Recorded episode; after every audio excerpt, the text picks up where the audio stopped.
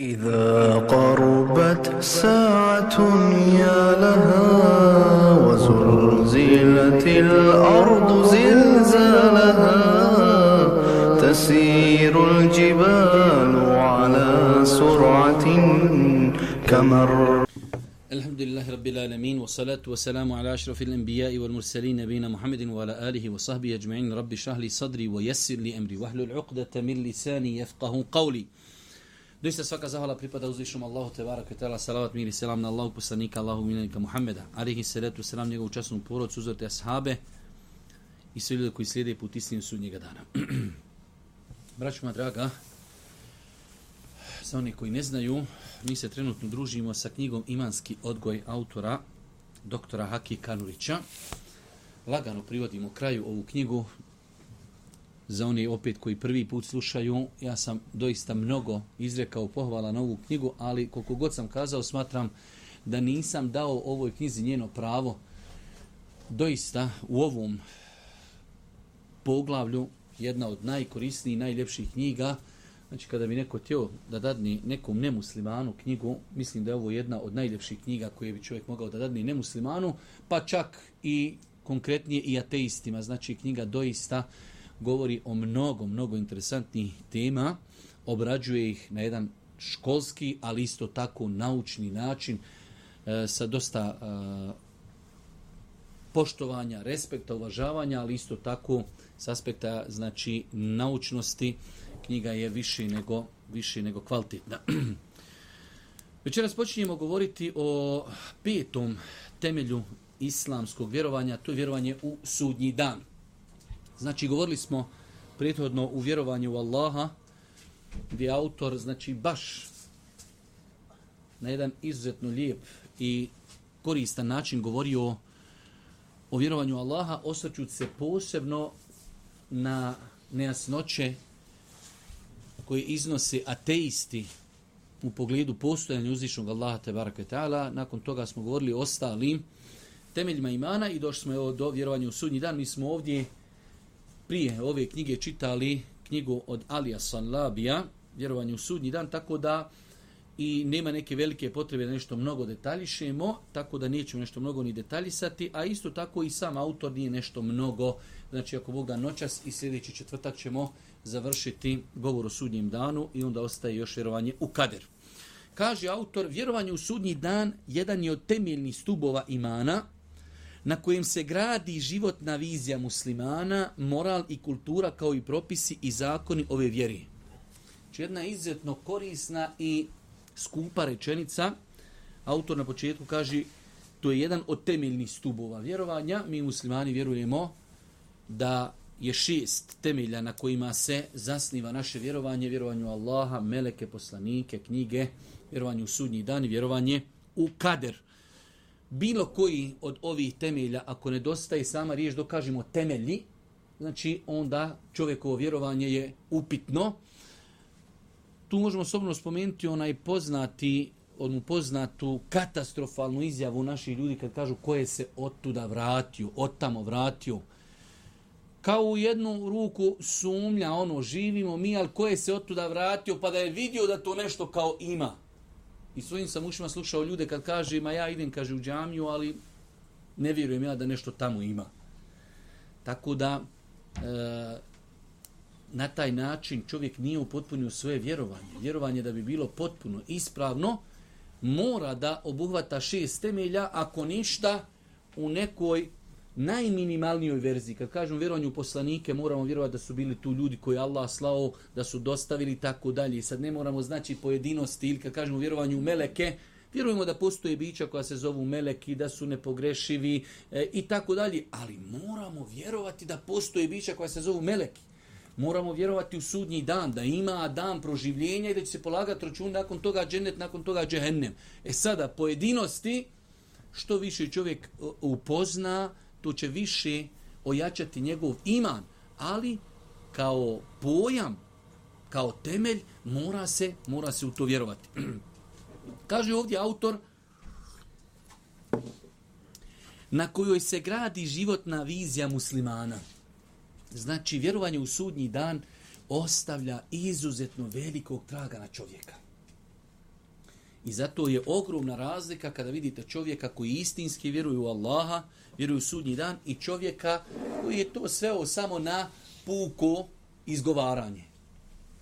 Čovjek koji vjeruje u Allaha, vjeruje u sudnji dan, on je svjestan da će za svaku sekundu svog života polagati račun.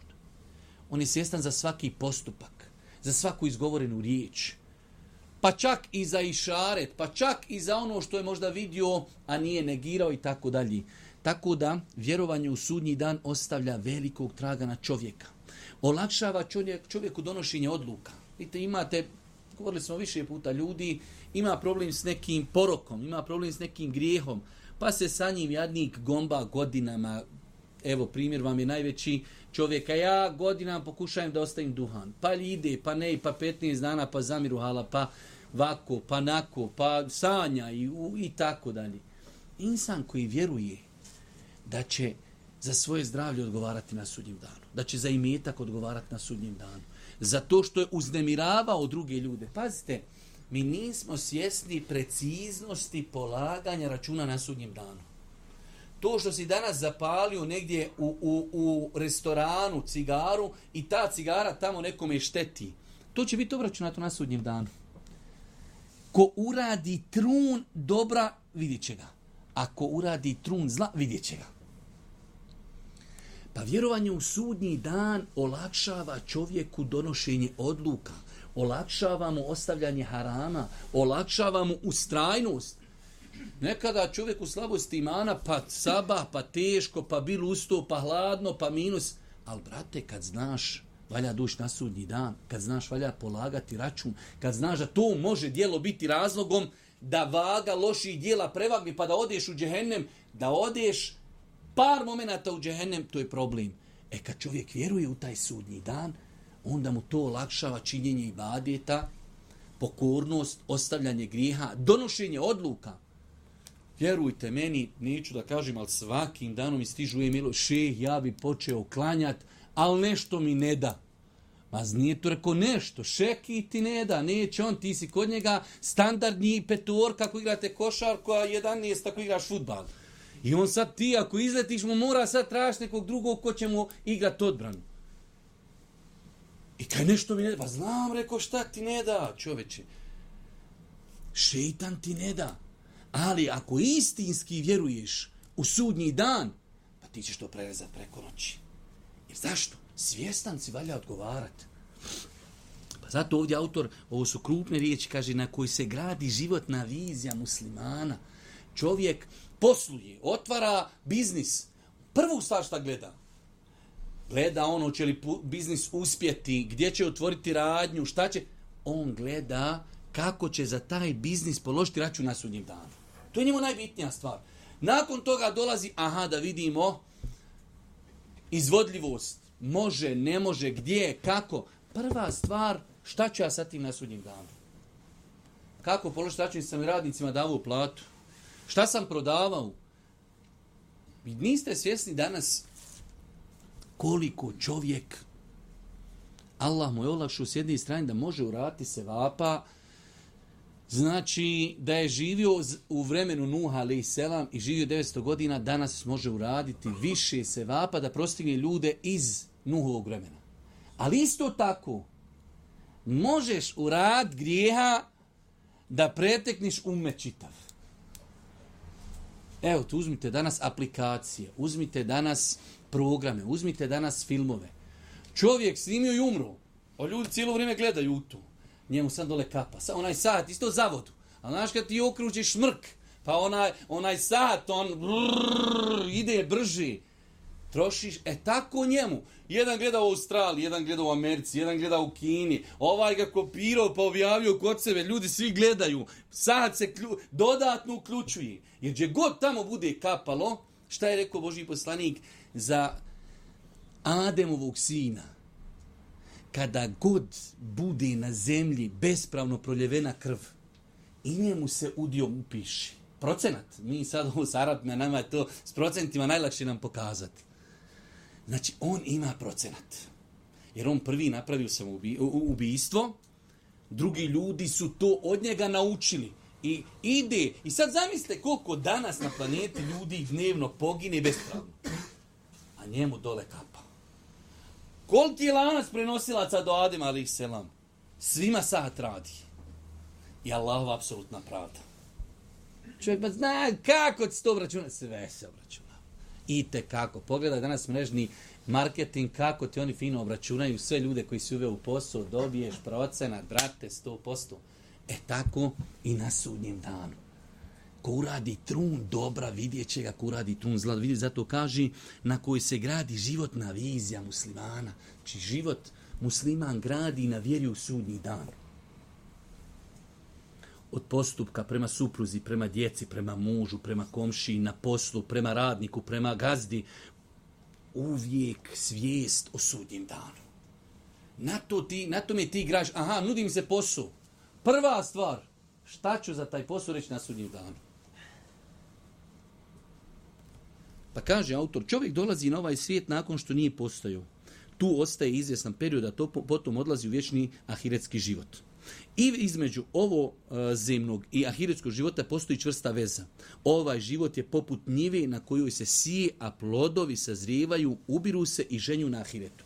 Kako je autor na jedan izuzetno lijep i jednostavan način pojasnio šta je dunjalučki život. I sad će još malo to detaljnije pojasniti. Ovo je njiva. Ovo je njiva i ti sad siješ. Sve ono što ideš na džumu, postiš, radiš, obaraš, pogled, čuvaš se, to sve je sjetva. Plodove ćeš ti, ako Bog da neke, ćeš vidjeti na Dunjaluku, ali plodove ubiriš na Hiretu. Pa kaže autor, zbog toga je za čovjeka bitno da zna kako će tu njivu kultivirati, kojim sjemenom zasijati, kako ga gajiti i od svih nepogoda zaštititi da bi ono e, da bi ono u vremenu berbe i žetve na budućem svijetu dalo najljepši plodove. Vidite, možda neka čovjek ovo konta u autor nakon ono naletilo, ne, ne, ne, svaka ova riječ ima svoju težinu. Kaže, on treba da zna, taj čovjek, on poredi sa život sa jednim poljoprivrednikom. Treba znati kako kultivisati zemlju. Vjernik treba da zna kako kultivisati svoj život. Prilike, Kako ostaviti grijehe? Možeš čovjeka dovesti na najbolju zemlju. Nije fino uzoro, nije fino stavio lijepo sjeme, ništa. Drugi čovjek ima tri puta manje mogućnosti, ali zna, iskoristio, ima ur, uroda. A pogledajte na kraju, kažem, kojim sjemenom zasijati, kako ga gajiti i od svih nepogoda zaštititi. Na što vas ovo asocira? Kad čovjek poljoprivrednik čuva svoje uvjete. Primjer toga je čuvanje naših dobrih dijela. Danas, u današnjem životu, vjerujte, bez pretjerivanja, skoro da je na istom levelu uraditi dijelo i sačuvati ga. Trebalo bi da bude mnogo teže da ga uradiš, onda ga samo zaključaj i čuvaj. Ne, danas, zbog ovih tehnoloških dostignuća, danas je veoma teško sačuvati dobra djela. Po onom hadisu Božih poslanika o muflisu, kaže, znate li vi koji je muflis? Pa, Božji poslanik kaže, udario ovoga, opsovog, uvrijedio onoga, potvorio onoga, pustio krv onoga, a došao čovjek, znači dolazi na sudnji dan, ogromna dijela, namazi, zekijati, uzeo ovaj, uzeo ovaj, uzeo ovaj, potrošili sve to mene, ali ja vjerujem, vidim neke, čak naše braće koji su 24 sata na dersovima, 24 sata likove na internetu. Dobro, nek si na internetu, nije problem, ali lik bez ikakve recenzije, bez ikakvog straha, ovaj ovakav, ovaj onakav, ovaj ono, brate, ni, prvo nisi pozvan da govori druga stvar, Allah mi meni ga žao sam dijeli čovjek dobra djela. Čoveče, kako je teško ustati na saba, kako je teško ljetni dan valja postiti, I ti to samo dijeliš.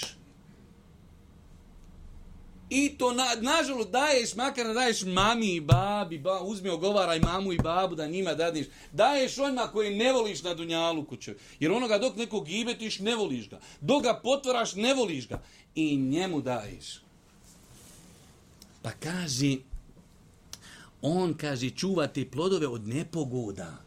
Tako čovjek danas vjernik, Allah Žešan kaže u Kur'ana više mjesta, nemojte kvariti dobra djela, nemojte ih uništavati. U islamu znači postoji mogućnost da si uradiš dobro djelo i da ga prodaš, da ga uništiš, da ga upropastiš svojim nepromišljenim postupcima.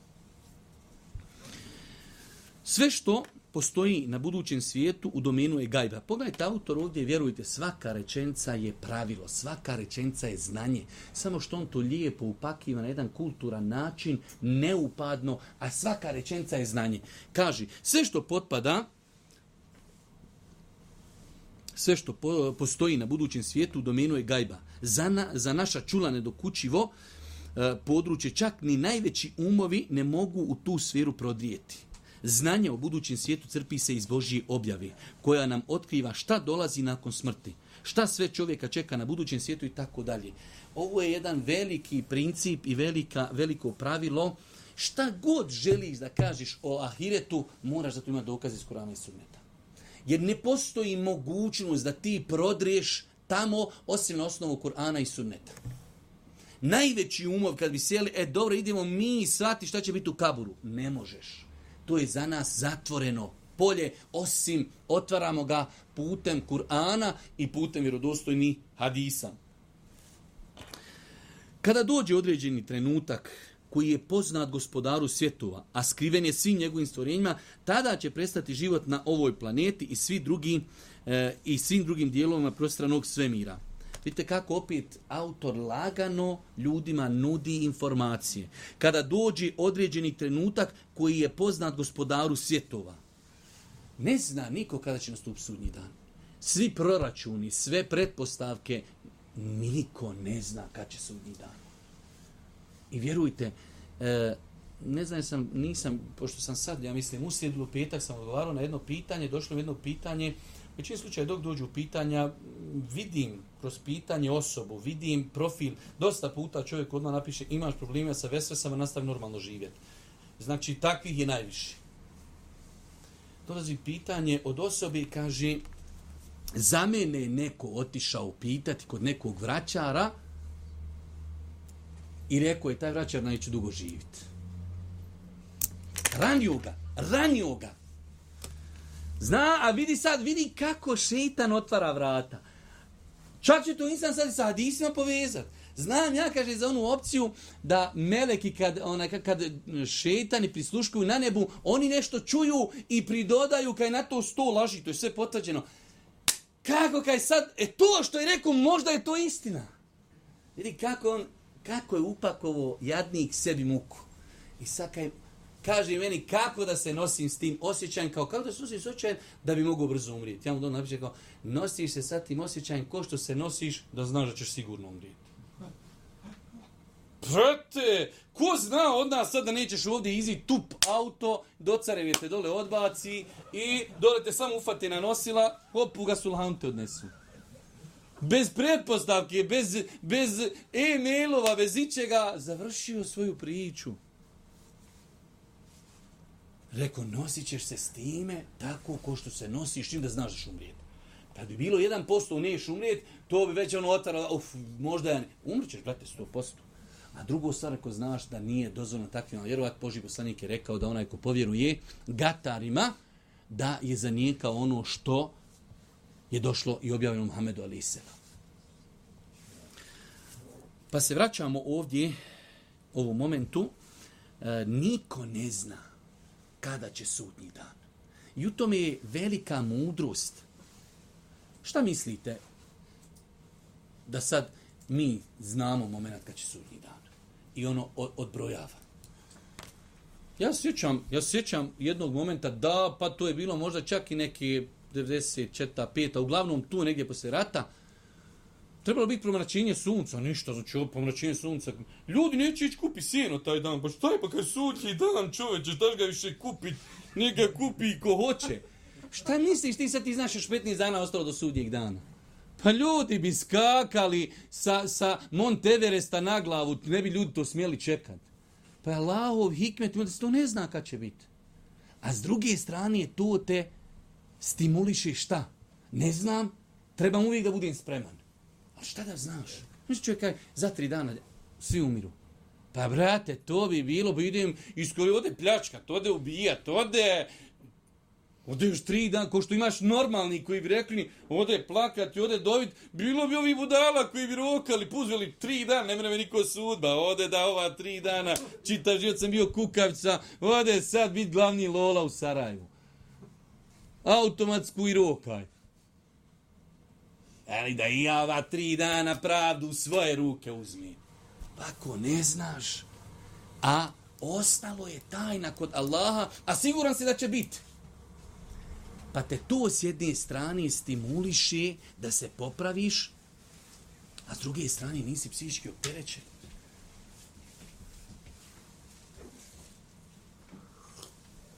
Kaže autor nakon što je univerzum funkcionirao prema precizno definiranim principima bez imalo odstupanja, harmonija i sklada, to će sve nestati. Desit će se ogromne promjene, nebo će se rascijepti, zvijezde popadati, planete će se posudrati, zemlja se iskomadati, postati potpuno ravna i gola, brda će postati kao raščešljana vuna, sve će se poremeti i sve što su ljudi poznavali na ovom svijetu bit će uništeno. Autor nam govori o tom momentu kako i na koji način nastupa sudnji dan, iako je sve prije toga bilo u jednom velikom skladu.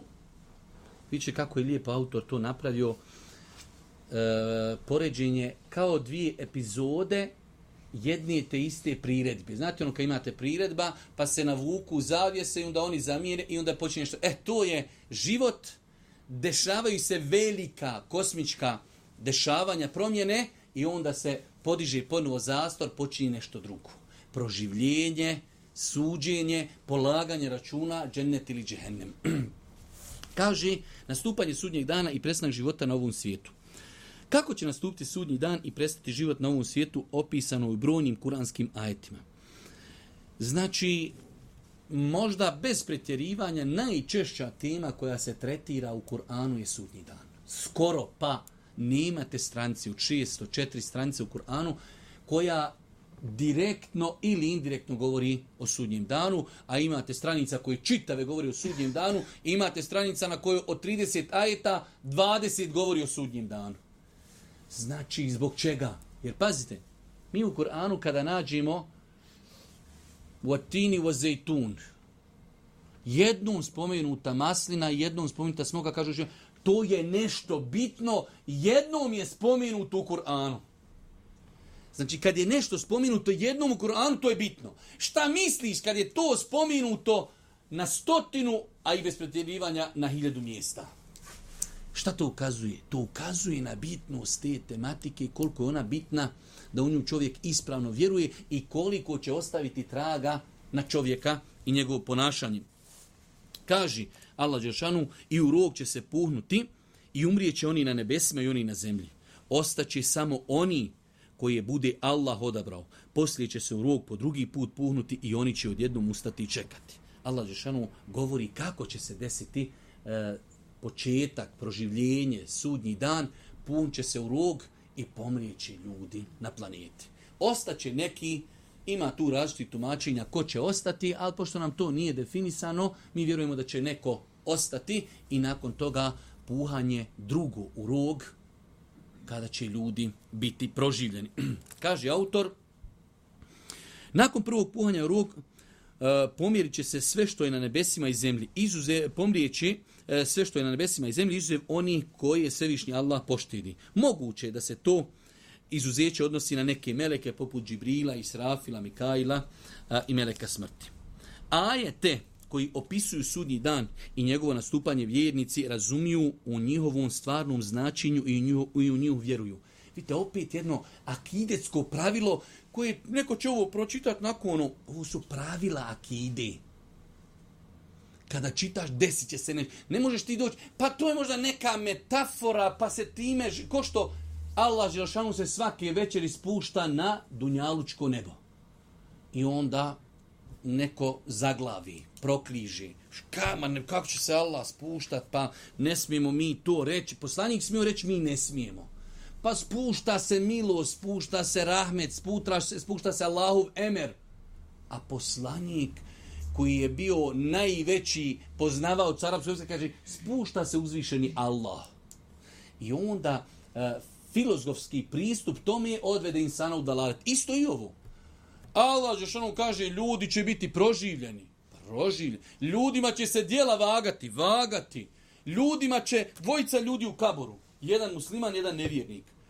Ti otkopaš dva kabura i on, on i dalje leži.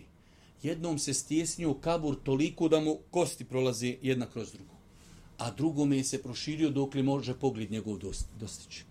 Mi u to vjerujemo. Apsolutno. Zato što je rekao to Boži poslanik koji ne govori po hiru sume.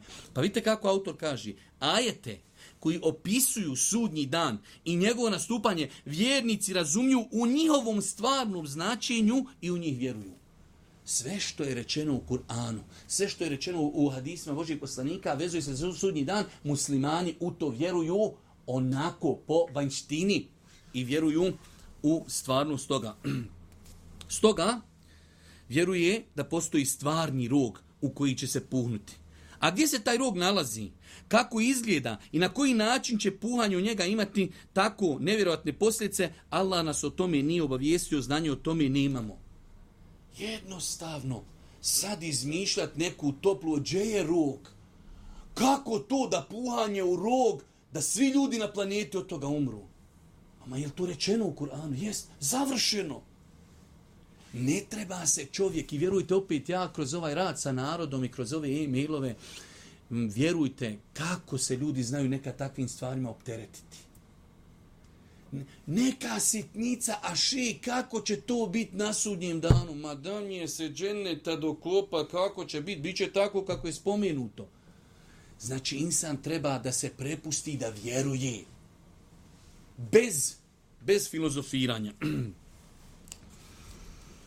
Kaže, bitno je naglasiti da ovi događaji ne mogu biti posljedica ljudskih sukoba i upotreba razvarujućih oružja. Znači, ovo što se desiti pred sudnji dan, koliko god da bude fesada i, i da kažemo sukoba koji su nagovješteni pred sudnji dan, to ne može uzrokovati da padne nebo, sunce, mjesec, zvijezde.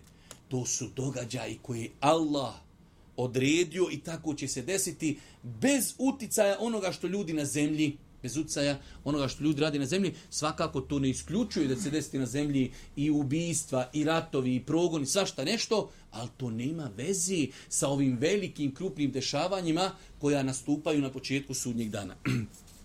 Kaže, sudnji dan dolazi, 233. stranca.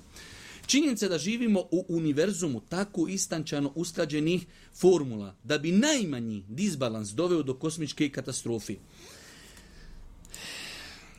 Ovdje autor želi da nam kaže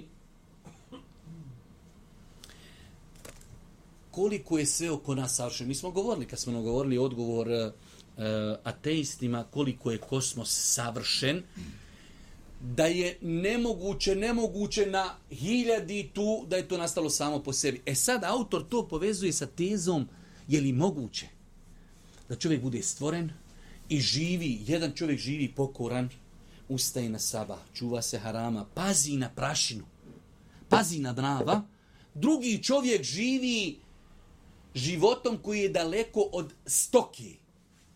Ubijstva, prevare, sve to i umru i ono nema ništa. Autor je to povezao sa savršenstvom kosmosa. Kao što je kosmos savršen, to savršenstvo negira tezu da ljudi umru i nema nakon toga polaganja računa. To bi, to bi izgledalo, krnjilo bi ovo savršenstvo. Već je savršenstvo, živio si, imao si slobodnu volju, nelogično je ljudi, nelogično je, neispravno je, neljudski je, kako hoćete, čovjek se čuvo prašini. Pa vi imate ljudi danas u našoj Bosni, koji će, gladan je, nudi mu se posao, koji ima haram, neće čovjek. I sad taj lik koji se jadnik čuvo ti harama i dođe drugi koji je ko aš daha jeo harame i što njih dvojica ono umrli, eto ti si umro pun harama, ovaj se čuvo i ono zakopo, ali vas sretno. Allah mi to, to, to se kosi sa savršenošću ovog kosmosa i univerzuma. Savršenstvo iziskuje da bude čovjek ili nagrađen ili kaštjen. U protivnom, nemoguća misija da čovjek uradi toliko. Pazite, imate ljudi danas koji su presjednici veliki država, korporacija, koji su razlogom da je ubijeno milioni ljudi. I umri zakopaj ga i to je to. Ne može, brat. Moraš polagat i moraš iskusiti od toga kaznu.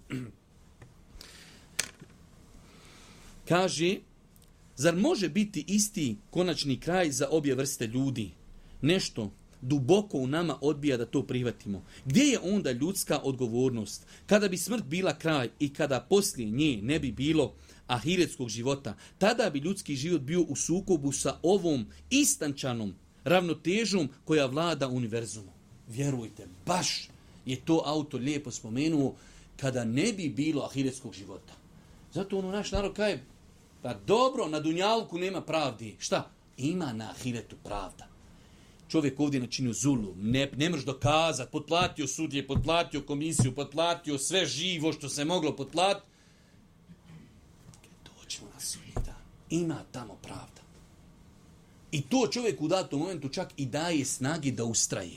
Neko ti na nju nepravda. Danas imate toliko hoćete, koliko hoćete. Na državnom nivou, svjetskoj sceni, nepravda koja tebe kači, slomila te, skrhala te, daj, čaj ti dokaži. Dokazat ćemo na sudnjem danu. Stoga jedini zaključak da smrt ne može biti kraj. Ne može biti da poslije smrti dolazi praznina, već drugi život u kojem se ponovo uspostavlja ravnoteža i u kojem se do, dovršava odgovornost. Znači, nemoguće da bude kraj. smrt i kraj. Ne. Znači, ima nakon toga potpuna, potpuna pravda.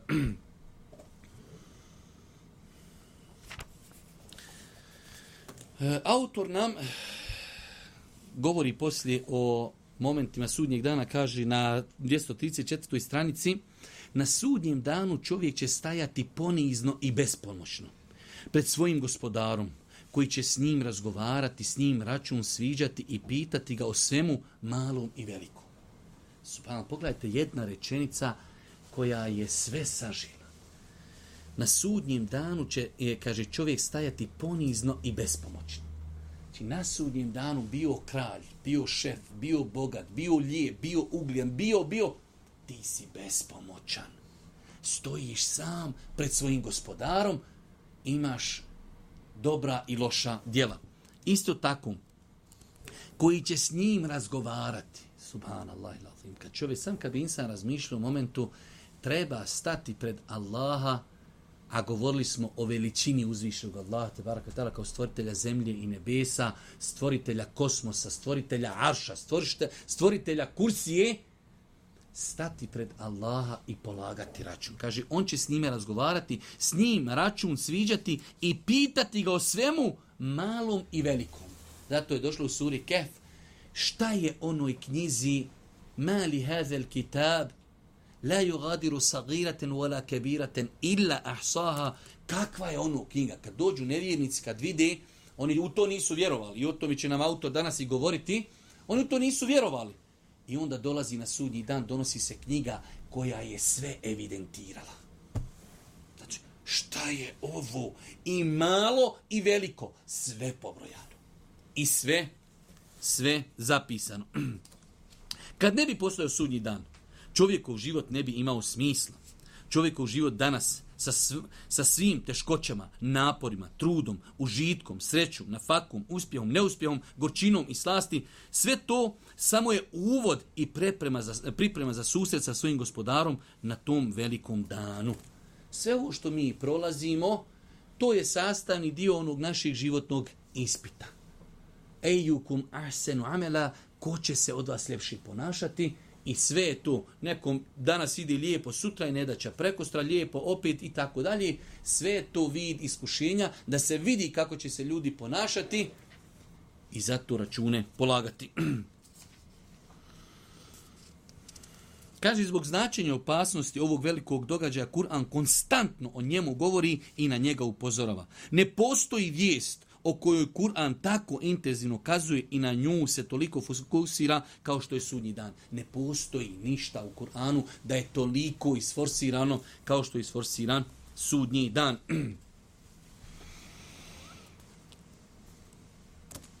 Razmisli samo o ovom ajetu i na koliko načina uzvišeni potvrđuju istintost i stvarnost tog događaja.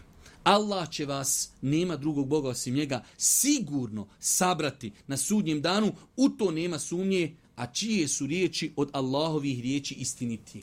Pogledajte jedan ajet. Dovoljno da Allah Žešanom kaže, desit će se sudnji dan. Apsolutna istina. A pogledajte, to na arapskom, ovi koji znaju arapski znaju koliko je to teži. Kaže, Allahu la ilaha illahu, le jeđme'an nekum, le jeđme'annekum potvrđuje se sa l, potvrđuje se sa duplim n nakon glagola le jeđme annekum. Sigurno će vas Allah sakupiti na sudnjem danu.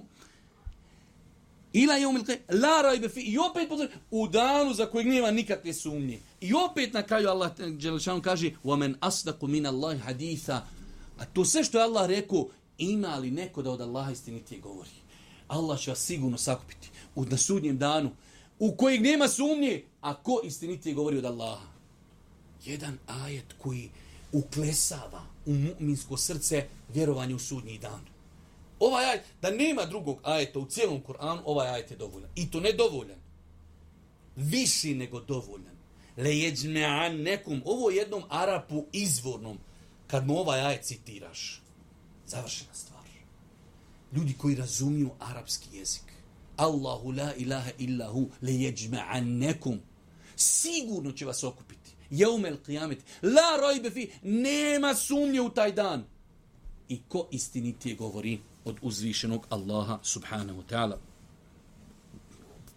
Ovdje autor navodi dosta ti ajeta, pokušava jednostavno da malo samo približi e, metod, načinu kako Kur'an govori o, o, o sudnjem danu. Kad smo počeli?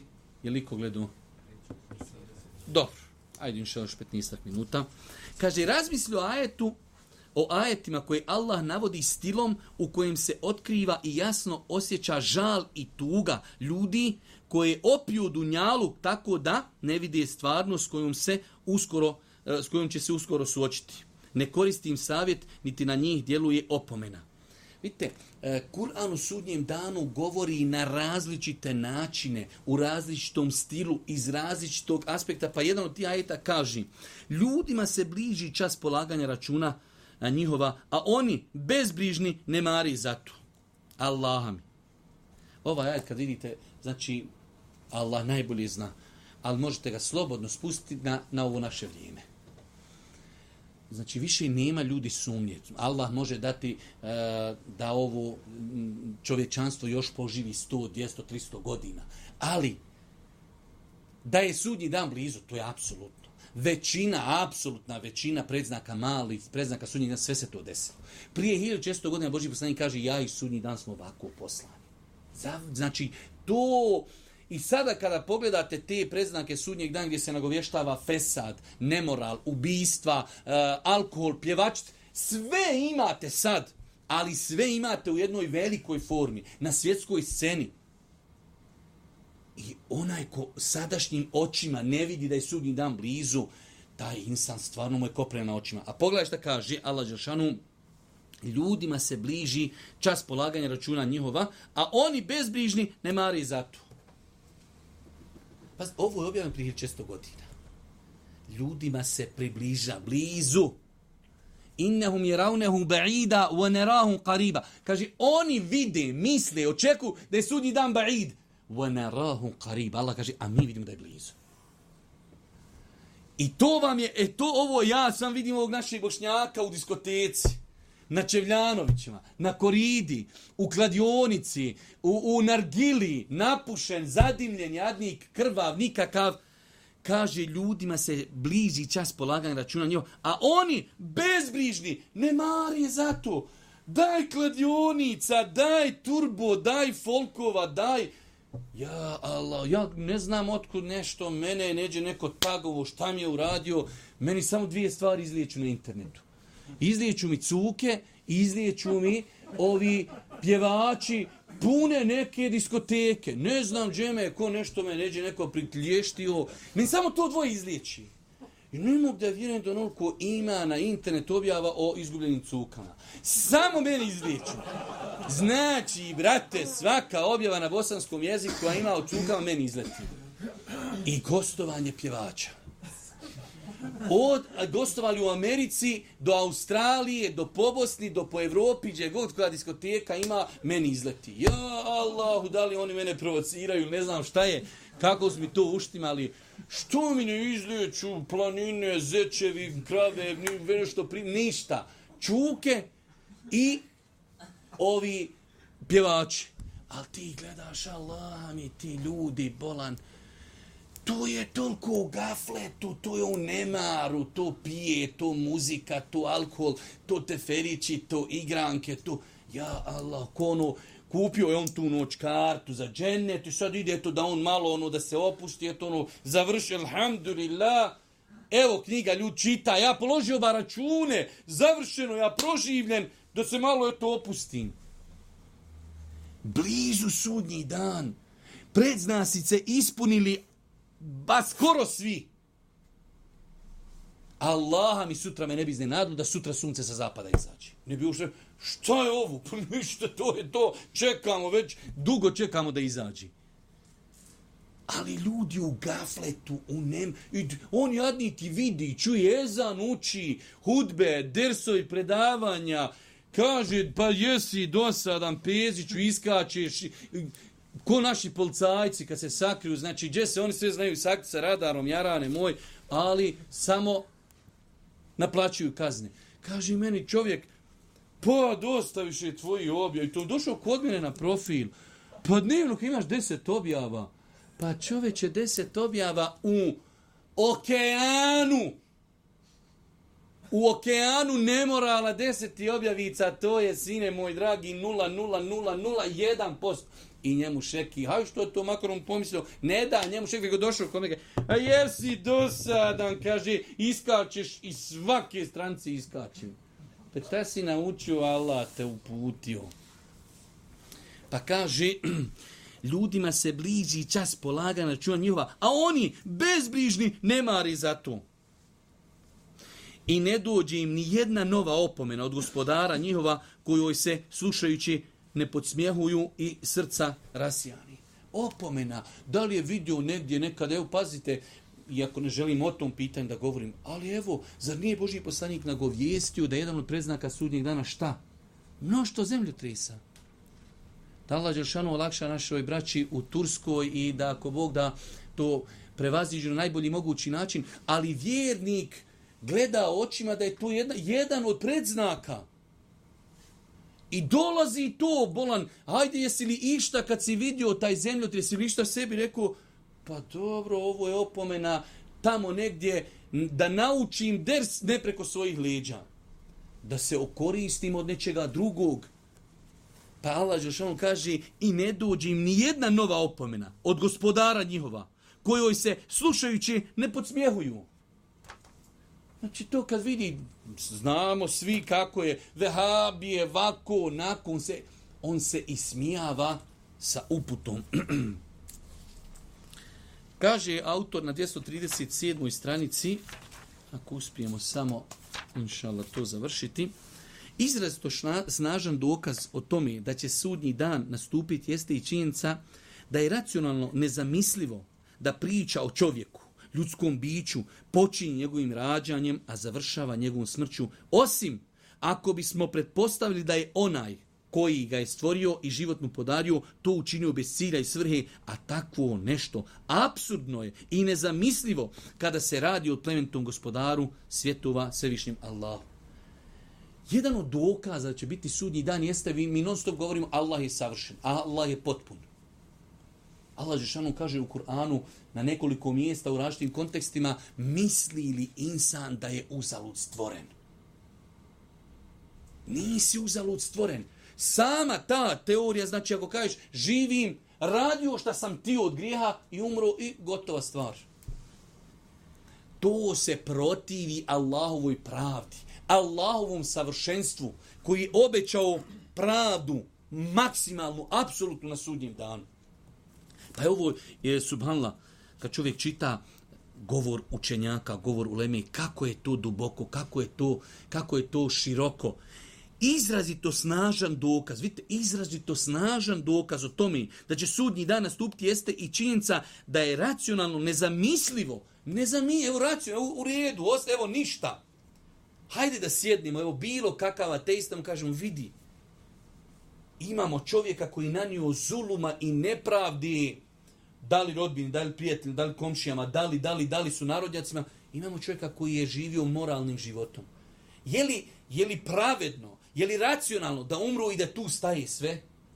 A nije ljudi, vjerujte, s racionalnog aspekta ostavimo dokaze i hadise i ajte koji govore će biti sudnji dan. Znači racionalno, a nemoguće. moguće. Evo, kaže autor, ono što sam vam govorio, priča o čovjeku kroz njegov ovozemni život samo je uvodna premisa koja traži rezultate i zaključke. Poput jedne epizode dugog serijala, čovjek koji pro, e, prolazeći ovim dunjalkom konstantno čini nerijed, nanosi neprav drugima, čini grijehe i ostavlja iza sebe tragove svoje bahatosti, i zlobe. I čovjek koji živi potlačeno, pognute glavi, sa svih strana ga a, e, zlostavljaju, trpi udarce i neprav ljudi, zatim čovjek koji proveo svoj život iskušan bolešću, a, e, gledajući ljude kako uživaju, svi oni u stvari proživjeli su samo jedan neznatan dio u cijelokupnoj predstavi svog postojanja u univerzumu. Taj naš život, to je samo jedna etapa dolazi druga etapa, umirimo, etapa boravka u kaboru, etapa proživljenja, polaganje sudnje, reč, računa na sudnjem danu i vječno uživanje. To se uklapa u ovaj koncept. Sve je, savreme, sve je savršeno, tako je savršeno i polaganje računa i tako je savršeno vječno uživanje. I zato je bila jedna nejasnoća koju su potegli neki opet filozofi, Zašto će nevjernici, Zar su uradili toliki grije da vječno pati? Nisu oni uradili toliki grije koliko su imali u srcu namjeru. Allah što kaže, i kada bi, kažu, gospodaru vrati nas, i kad bi, kaže, vrati, on bi opet bili nevjerici. Oni bi, znači, bili vječni nevjerici. E, kad bi vi bili vječni nevjerici, e, tako i zaslužujete kaznu. Zaslužili ste zbog svoga nevjerovanja u Allah, tvar, kad Allah vam dao razum, slao vam poslanike, slao vam muđize, dokazi oko tebe svugdje i nisi vjerovan. I bio si spreman ostati na tom i vječno. Allah Žešanu istinu govori. Kaže, gospodaru, vrati nas. Kaže, i kada bi ih vratili, on bi opet bili u nevjerstvu. E, vrate, hoćeš tako? E, evo ti vječno. Ne zaslužuješ ništa drugo. To je apsolutna pravda. Ko može da je sati, nek sati. Ko ne može, šta ću mu ja? A tako je apsolutna pravda za mu'mina. Mu'min živi i pokuran, ostavlja grijehe, pokorava se i ne zna dokad. On, kad bi ostao čovjek živi 180 godina, on živi pokoran. Umro u 60-oj. On je umro, ali ima namjeru da ostane do kraja. E, kad imaš namjeru do kraja da budeš pokoran, ti ćeš biti vječno uživati u džennetu.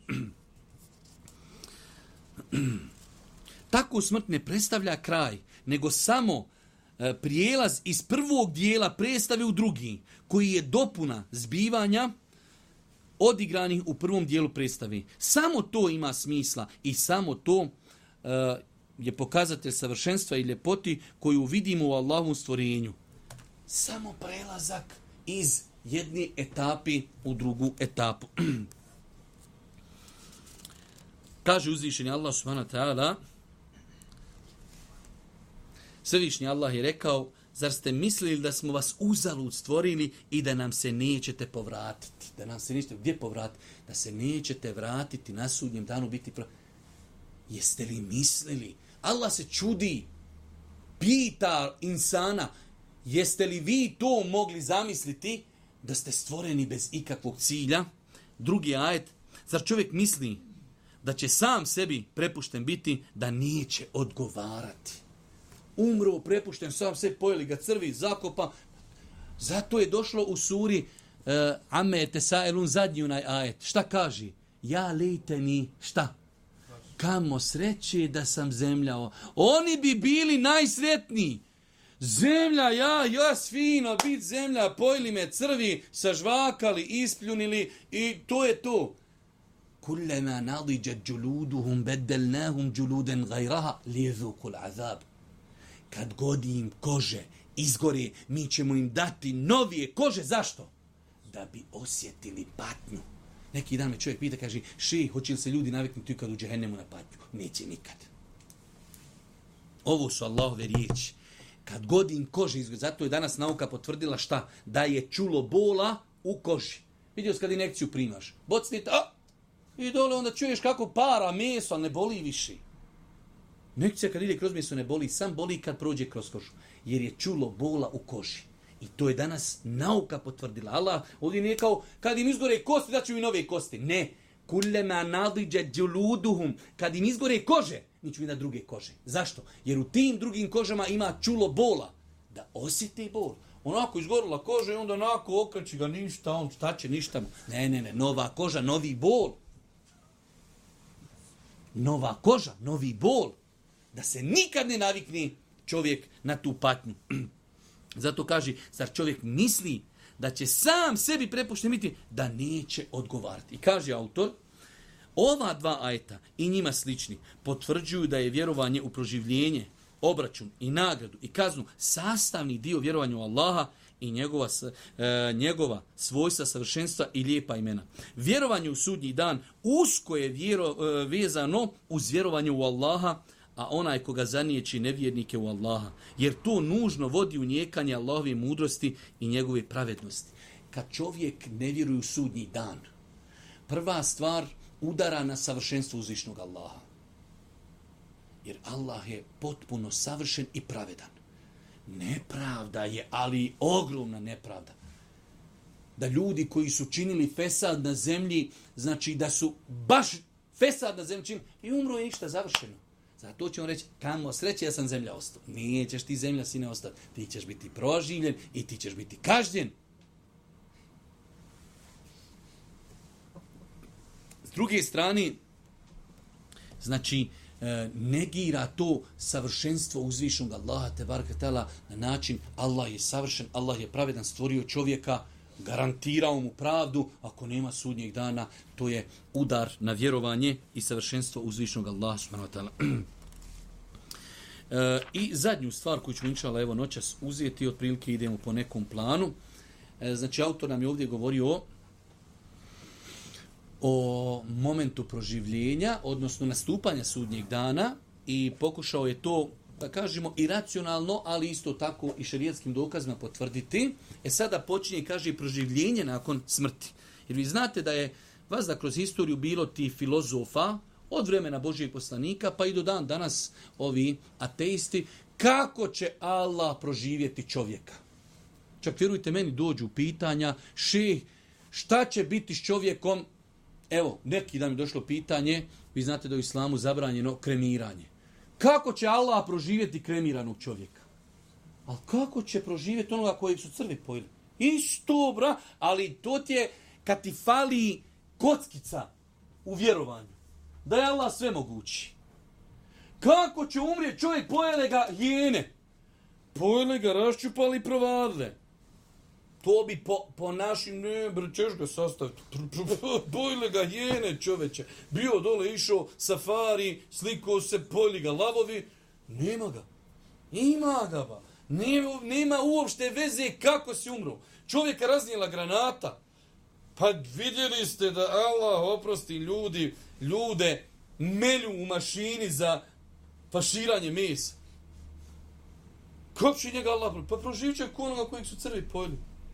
Hadis u Buhari, čovjek je, kaže, živio prije vas, po nekom rivajtu nikad, nikako dobro djelo nije uradio. Pa je rekao svojoj djeci, kad umrim, zapalte me. Jer kaže, pazite, on je tu rekao u rečenicu, kaže, ako me se Allah domogni, kaznit će me ko što nikad nikog nije kaznio. Ako mi se Allah domogni. Šta je rekao? Kaže, uzmite pepeo moj, prospite pola po kopnu, pola po moru u danu kad bude vjetrovito. to, ali, volam, to ti je ova kockica. Fali, te da je Allah sve mogu. E, ha, prosul te u danu kad je vjetrovito, ha, te prosul u danu kad nije vjetrovito. Kad sarađuješ s kime? Sa gospodarom. Kun, fe je kun. Pa je Allah naredio zemlji, zemlja prikupila. Pa je naredio moru, zemlje more prikupilo. Ustaj! Ustaj! Kaže, što si tu radio? Straha od tebe, kaže gospodar. Pa mu Allah oprostio. Ali kad živiš i vjeruješ u Allaha svemogućeg, završena stvar. Pa ima ljudi, filozofa, kako će Allah proživjeti insana, evo mi ga otkopali ništa, izumno. Kako te je Allah stvorio iz kapljice sjemena? Iako vjerujte, ta nauka o reprodukciji ljudi, to je baš veličanstvena nauka. Kada čovjek vidi kakve sitnice od čega počne ljudski život. Sad čovjek misli šta ja, znam mislim sad vulgarno je pričat, ali sad sperma, konta, čovjek, e, šta ja znam, sperma, dvije kapi, od toga dijete nastalo. Brate, od dvije kapi more nastati po Sarajeva djeci. Sto posto. U dvije kapi može nastati po Sarajeva djeci.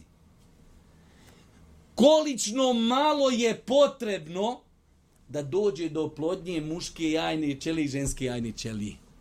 I sve to nosi šta?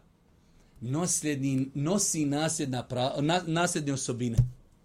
Ona kapljica, ali kakva kapljica, ona molekulica, umne djeca sva se rode i ovdje imaju svrtak. Ko što sam ga ja imao snimao kosu. I sva djeca, kako su umjene nokti na nogama heravi, tako u njih svi heravi nokti. A tako i svakog od vas. Kaj liči na dajđu, liči na mamu, liči na babu, liči pola vako, pola nako. Sve je to ta molekulica prenijela. Kaže, pre, nasljedno mu kaže, ne znam, nija, imaju svi šećer i on dobio, u toj molekulci on je dobio i šećer u, u paketu. On kupiš sad paket mobitel i kaj, imaš toliko interneta, imaš minuta, imaš, ne znam, SMS-ova. E, i ovaj u toj molekulici dobio u paketu i šećer. Savršenstvo gospodara. Savršenstvo gospodara stvorio čovjeka i taj sad koji, vraćamo se mi ovome, koji, kako će Allah proživiti? Ma, Roki, pa ti si nasto od molekulice dvije koje se spojile, pa si rasto, rasto, ko što vi kažete za ponoglavce, da je od njih nasto dinosaurus, pa dinosaurusa majmuni, pa tako dalje. Mi to sam kajmo u normalniju jednoj verziji koja je prihvatljiva da si nasto od molekulice koja je rasla Allahovom voljom, pa Allah u nju udahnu dušu i postao si insan. Pa ako je Allah mogao insana stvoriti prvi puta, i svi mi smo taj prvi puta bili ta kapica sjemena, Jel tiško gospodaru svoj čovjeka kaže, budi, ustani, proživljen, iz trtične kosti, nikni, nikni. Zašto? Imaš akidu, ba, jednostavno to, Allah mi, nama je to musliman, malo, ono, što im je nejasno, Allahu ekber čovječe. Ču nekom je sako nešto nejasno. Vjeruj meni to, meni ovo, to bejare, da Allah oprosti, ali sad meni vama to bez veze pričat.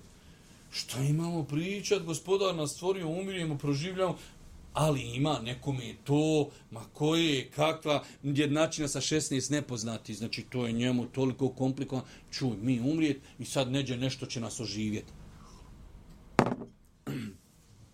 Kaže autor, Svevišnji Allah stvorio je prvog čovjeka od zemlji i toj osnovi čovjek će se vratiti, pa će iz nje ponovo biti oživljen. Nakon što zemlja razgradi naše tijelo i pretvori ih u sitne čestice, Allah će ih kada hoće, kada dođe čas određeni, sabrati. A to je njemu lako. Jednostavno, Allah mi može li biti šta jednostavniji. Razne vrste nevjernika negiraju i poručuju proživljenje nakon smrti, a svevišnji Allah iznosi njihove stavove i odgovara na njihove sumnje. Nevjernici tvrde da neće biti oživljeni. Reci, kul bela vorabi. Kaže, reci, hoćete gospodara mi moga, sigurno ćete biti oživljeni, pa ono mi što ste radili doista biti obavješteni. Ne samo da ćete biti obi, o, oživljen. Ej ti, on bi se voli za oživljeni, hajmo ponovo hoda. Ne, ali si sine hodanja. Što si hodo, hodo si. Sad si prožim da polažiš račun. Bićeš obavješteno ono mi što si radio. Kaže, njihove sumnje svodi se na nagađanje, puko, negiranje, smatranje proživljenja dalekim, nemogućim i čudnim. Nama muslimanima to nije čudno. Allah Žešanu ljude poziva na taj moment razmišlja, ali neće ljudi da uključi mozak. To je problem što ljudi danas nemaju vremena. On, jadnik, posao, kuća, što kaže Ekrem Jevrić, posao, kuća i malo još na internet spava, znači rek smo ponedljak, utak, sljedeći četvrtak, petak, samo ima, znači spava je, i onda subata nedlja pije, pije, pije, opet u ponedljak na posao i sad ti nam kažeš, a vidi, haj ti razmisli ono ko Allah kao što te stvorio prvi popit ćete, ma nemam ja vremena sine, zato ja sam dva dana pijan, tri dana nakon toga mahmuram, dva dana sebi dođem i opet mi valja u subotu se napit i ja sada tebi razmišljam o tome, ću biti prožine, nemoj, meni je to teža malo filozofija. Allah i napominje, na više mjesta, on je taj koji vas već prvi put stvorio. Kako onda zasumljate u takve stvari? Oni smatraju nemogućim da će od prašine i pepela u koji će se pretvoriti, ljudske, e, pretvoriti ljudska tijela, Allah stvoriti živa stvorenja, misleći da je to iznad Allahove moći. S obzirom na to da čovjek zna da je stvoren nakon što nije postao, mora morao bi znati da je tvorac koji ga je već jednom stvorio u stanju to ponovo učiniti. Inače, ljudi s dunjalčkog aspekta kažu, dunjalčkog aspekta, najteže je uraditi određenu stvar šta? Prvi put. Sad čovjek, vjerujte, evo šta god ste u životu radili. Ako ste ikada, evo ne znam, evo šta god si pravio, ako si šta, jednu prvi put kažeš, idem i je denes promijeniti sjelcu. I ti sad ideš, huljaš se ti njoj, kako ću ga... Već drugi put, sad, znaš da ufatiš gore grlo, držiš, ako ne držiš, uvrneš gore, se žica zapetlja, ne, ne, rješenje, držiš gore, odvrneš, prije toga isključiš osigurač, zavrneš, upališ, ali prvi put, pf, uznojiš se, pa nisi isključio, pa stripne, pa sivne, pa ispadne sijalca, već drugi put, ma ti ko električar, čoveče, ko majstor, tom, ništa tu zavrneš, sa strane ljudi rekao, a ja profesionalca, jarane. Nisam profesionalac drugi put, tek pinjam sjelcu. Pa je logika nekako, Allah stvorio Adema, stvorio čovečanstvo, čovečanstvo umrlo, lakše je stvoriti nešto po drugi puta. To, to be Arabi govorimo s dunjalučkog aspekta. A kako kad govorimo o svevišnjim Allahu te barake wa ta'ala. Kaže Allah Žešanu i navodi nama وَضَرَبَ لَنَا مَثَلًا وَنَسِيَ خَلْقَكِ Allaham. Zato kaže ovdje, navodi e, komentar od Ibn Ebul Iza, ona ta havijska akida, ne postoji, kaže, retorični odgovor na planeti od ovoga. Nama je naveo primjer kako će Allah oži... Vanesije, a zaboravio sam sebe. Pa ne trebaš pitati čovječe kako će Allah proživjeti. Ti si dajući primjer kako će Allah stvoriti. Sjuče ti bio kapljica. I iz te kapljice si ti narastu. I u nju je duša udarnuta. Kaže, u odara belena mefelen, one se hrta. Znači, odgovor Allaha mi sve više. Kaže, navodi nama primjer, ono, ko nešto ga pije, ko nešto konta, a zaboravio samog se. Zato Allah Žešan kaže u Kur'anu, وَفِي أَنْفُسِكُمْ أَفَلَا تُبَصِرُونَ I u vama samima vi imate dokaze zašto ne pogledate? U svakom slučaju,